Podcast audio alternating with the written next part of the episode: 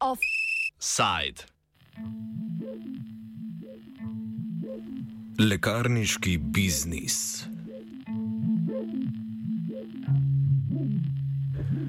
Stranka modernega centra utrjuje svoj spoštovani liberalni položaj znotraj koalicije s predlogom novele zakona o lekarniški dejavnosti, ki bi prinesel deregulacijo lekarniške mreže. Predlog zakona bodo v četrtek obravnavali na seji parlamentarnega odbora za zdravstvo, v parlamentarni postopek pa je bil vložen februarja letos. Pri SMC-ju predlagajo preureditev lekarniške mreže na primarni ravni in sicer na podlagi dnevnih in sezonskih migrantov na območju delovanja lekarne.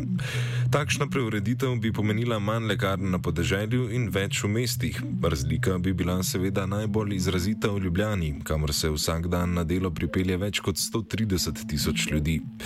Druga pomembna novost je ponovna možnost vertikalnega povezovanja v lekarniški dejavnosti, kar pomeni, da bi bilo spet dovoljeno lastniško povezovanje med veletrgovino zdravili in lekarnami.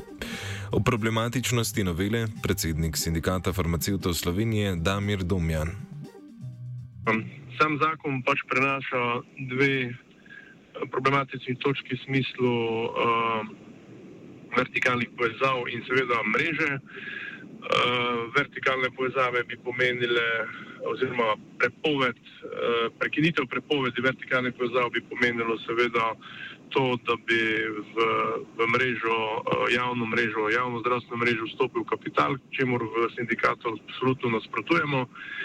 Eh, drugo, kar se pa same mreže tiče, pa seveda to pomeni, če bi se sprejel tak predlog, kot je bil predlagan strani predlagatelja, eh, pa seveda pomeni, da, da se nenormalno poveča število lekarn v mestnih območjih, v ruralnih bi seveda prišlo do do zapiranja in propadanja, uh, hkrati bi pa seveda tudi uh, to bilo problematično na koncu koncu za zaposlene, uh, ker se toliko lekarn, koliko bi na ruralnih področjih propadlo, v mestnih sigurno ne bi odprlo, ker jih itak že zdaj več kot dovolj v večjih mestih, sploh v mestnih občinah. Obstaja torej bojazen, da bi se število lekarn v mestu dolgoročno nepotrebno povečalo, medtem ko bi se bile lekarne na obrobju primorane zapreti, kar bi privedlo do neenakega dostopa do zdravil.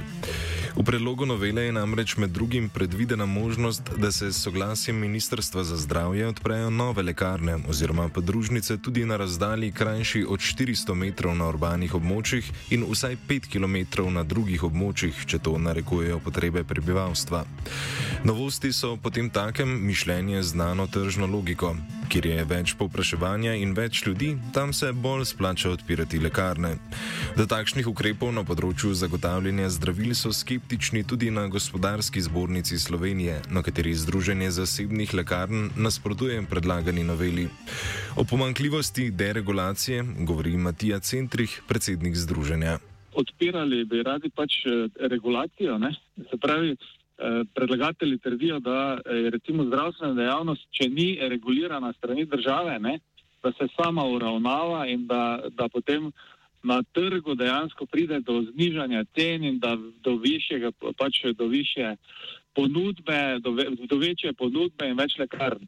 Zdaj, če gremo na neko čisto enostavno trgovinsko logiko, eh, mogoče jaz verjamem, da se to res zgodi, ne, ampak se pravim, eh, Jaz bi celo potrdil temu, da potem te predlagane spremembe sprejmemo. Ampak izkušnje v vem, najmanj desetih državah Evropske unije, pa izven Evropske unije, kažejo, da se to ne zgodi in na koncu v bistvu takrat, ko potegnejo bolniki. In jaz mislim, da pač temu ne moramo biti, s tem ne moramo biti zadovoljni. Jaz sem vedno vsakemu eh, tudi povedal, da smo se pripravljeni kot stroka pogovarjati, da izboljšamo stvari, da kaj izboljšamo, če v bistvu kaj ne štima. Ne? Jaz moram povedati, da med časom epidemije, zdaj več čas, ne vem, noben ni ostal brez, za vse smo poskrbeli, vsi so dobili zdravila, vsi so dobili medicinske pripomočke. In eh, ne vem, če so pa možnosti, če pa kdo vidi možnosti za izboljšave, smo se pa pripravljeni pogovarjati. Ne. Takih enostranskih rešitev pa ne bomo sprejemali, ker so v bistvu škodljive ne samo za lekarništvo, ampak za vse državljane in državljanke, za vse, ki so bolniki, pa so potencijalni bolniki.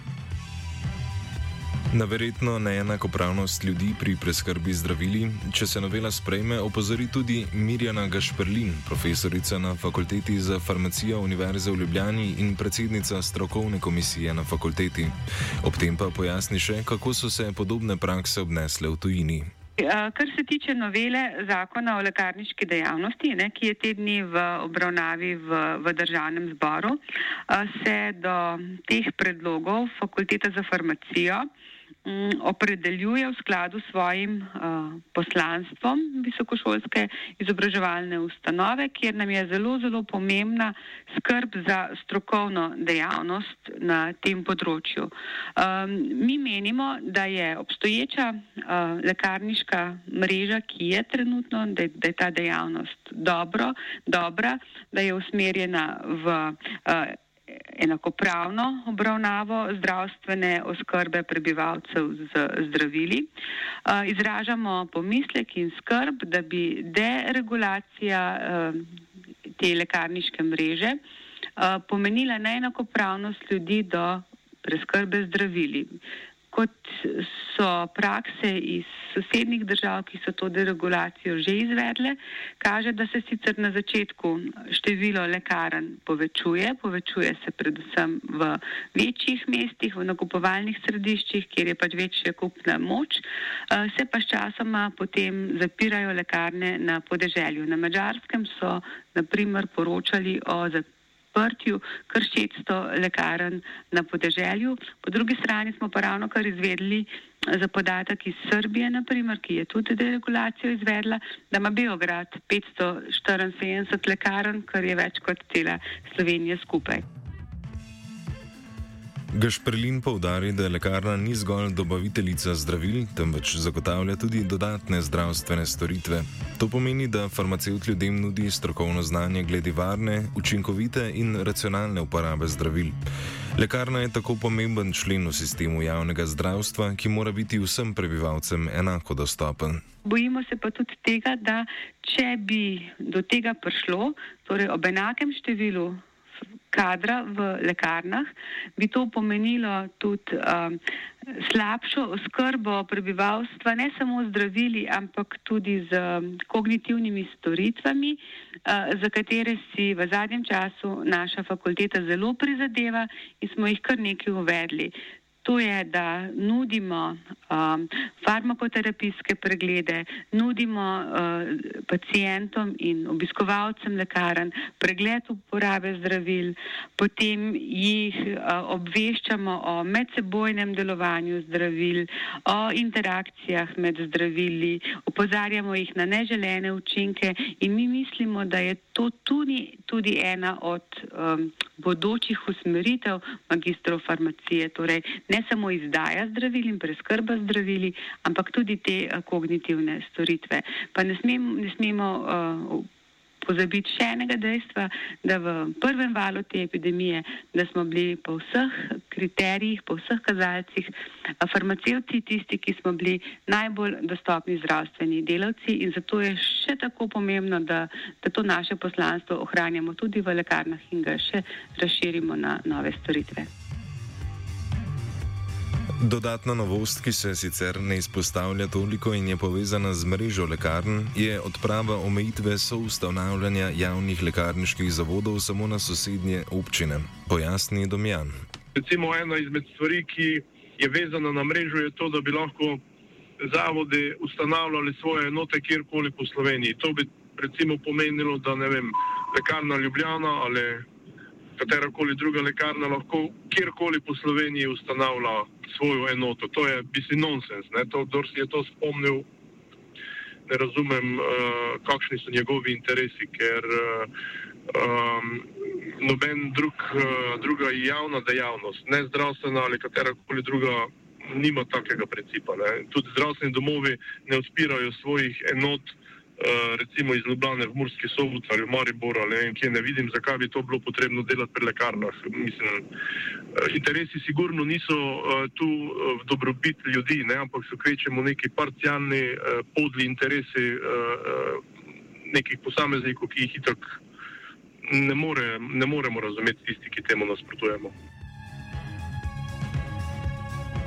Osamljeno med podporniki novele je Združenje mestnih občin Slovenije, kamor spada tudi mestna občina Ljubljana. Po zakonu o lekarniški dejavnosti iz leta 2016, ki ga je prav tako predlagala SMC oziroma takratna vlada Mira Cerarja, bi se morale vertikalne povezave prekiniti, vendar so poslanci večkrat podaljšali rok, na zadnje do konca leta 2021. Obravnavana novela torej poskuša razveljaviti odločbe iz leta 2016. Javni zavod Lekarna Ljubljana, katerega ustanovitelj je občina Ljubljana, je temu naklonjen, saj ima v lasti vele trgovsko družbo LL Grossist, s katero je vertikalno povezan. Lekarna Ljubljana je zakonsko določbo, ki prepoveduje vertikalne povezave, celo izpodbijala na ustavnem sodišču, vendar ni bila uspešna. O naklonjenosti noveli in razlogih za to podžupan mestne občine Ljubljana Dejan Crnek. Torej, eh, stališče mestne občine Ljubljana, seveda kot tudi eh, Združenja mestnih občin Slovenije, je pozitivno do te novele zakona, eh, predvsem iz treh ali celo štirih vidikov.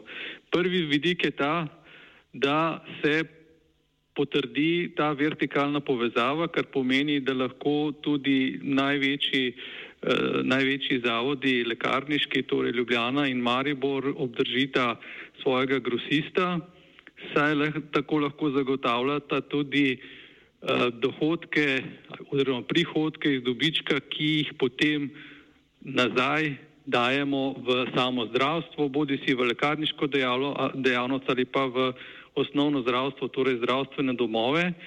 In v tem delu je seveda nam ni logično kdo oziroma zakaj se ne pusti oziroma zakaj se podpira, eh, bi rekel temu, dupol eh, tujih firm, se pravi Salsa in kemofarmacije, eh, ki pa recimo svoje dobičke nekako nosijo izven naše države in ne vlagajo nazaj v zdravstvo.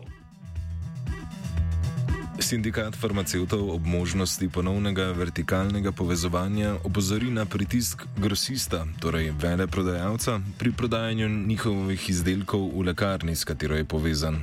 Saj, saj eh, poskusi take forsirane prodaje že obstajajo uh, tako v Mariborskem zavodu, kot tudi v Ljubljanskem zavodu, ampak so vseeno uh, bili ali pa vsaj probali biti do določene mere uh, ustavljeni ali pa, ali pa vsaj umiljeni.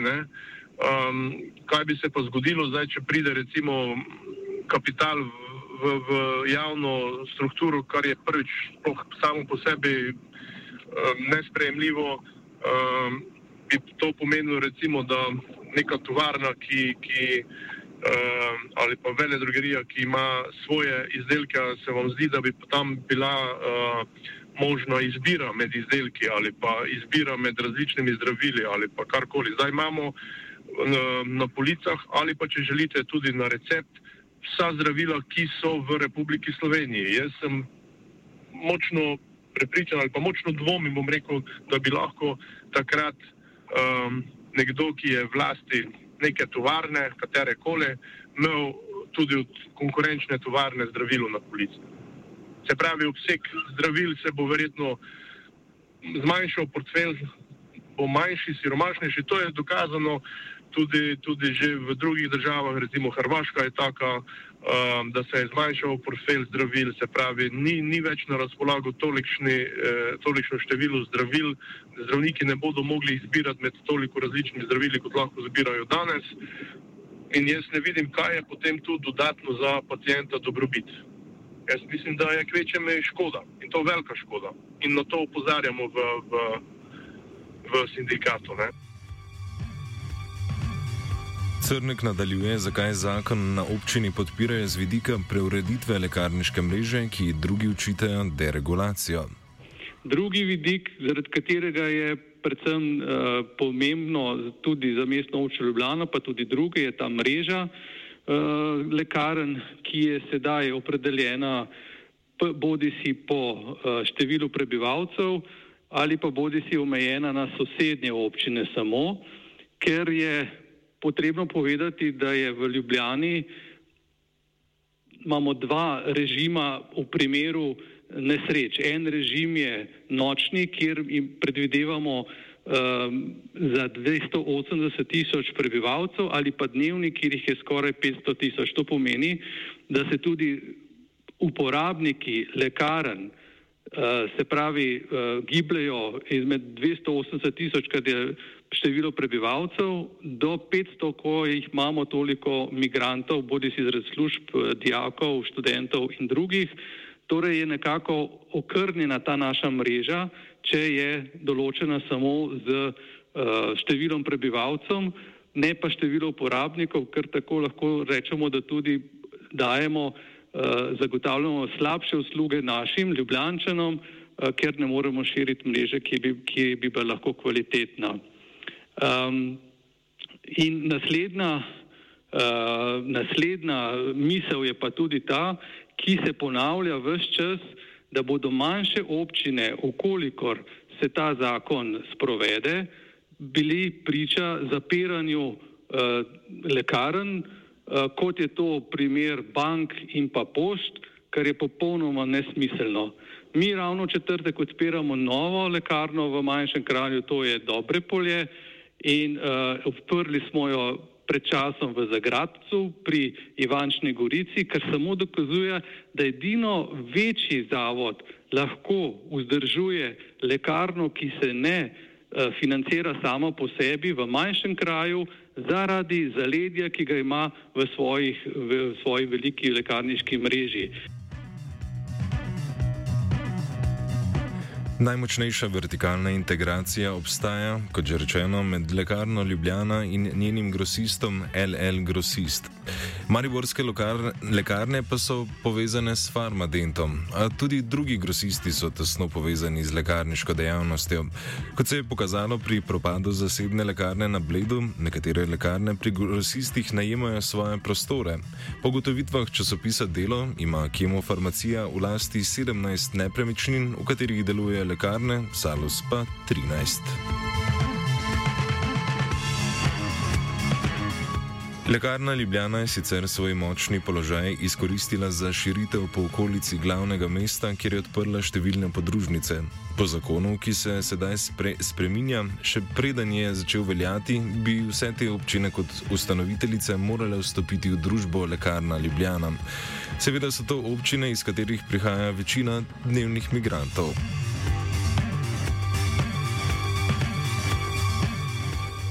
Manjše zasebne lekarne skrbi, da bi, če bi se lekarniška dejavnost deregulirala na način, kot ga predvideva predlagana novela, poleg obeh velikih vertikalno integriranih lekarniških mrež na trg vstopili tudi ostali grosisti, recimo Salus in Kirmo Farmacija, ki bi poskusili zgraditi svojo mrežo. Tako bi dejavnost zaznamovala predvsem konkurenčni boj med velikimi podjetji, ki bi lahko uporabili svoje vzvode moči na trgu zdravil. Seveda pa bi bila ta nova podjetja tudi v zasebni lasti in njihovi dobički posredno ne bi podpirali javnega zdravstva, kot naj bi to vsaj načeloma počele lekarna Ljubljana in lekarne Malibor.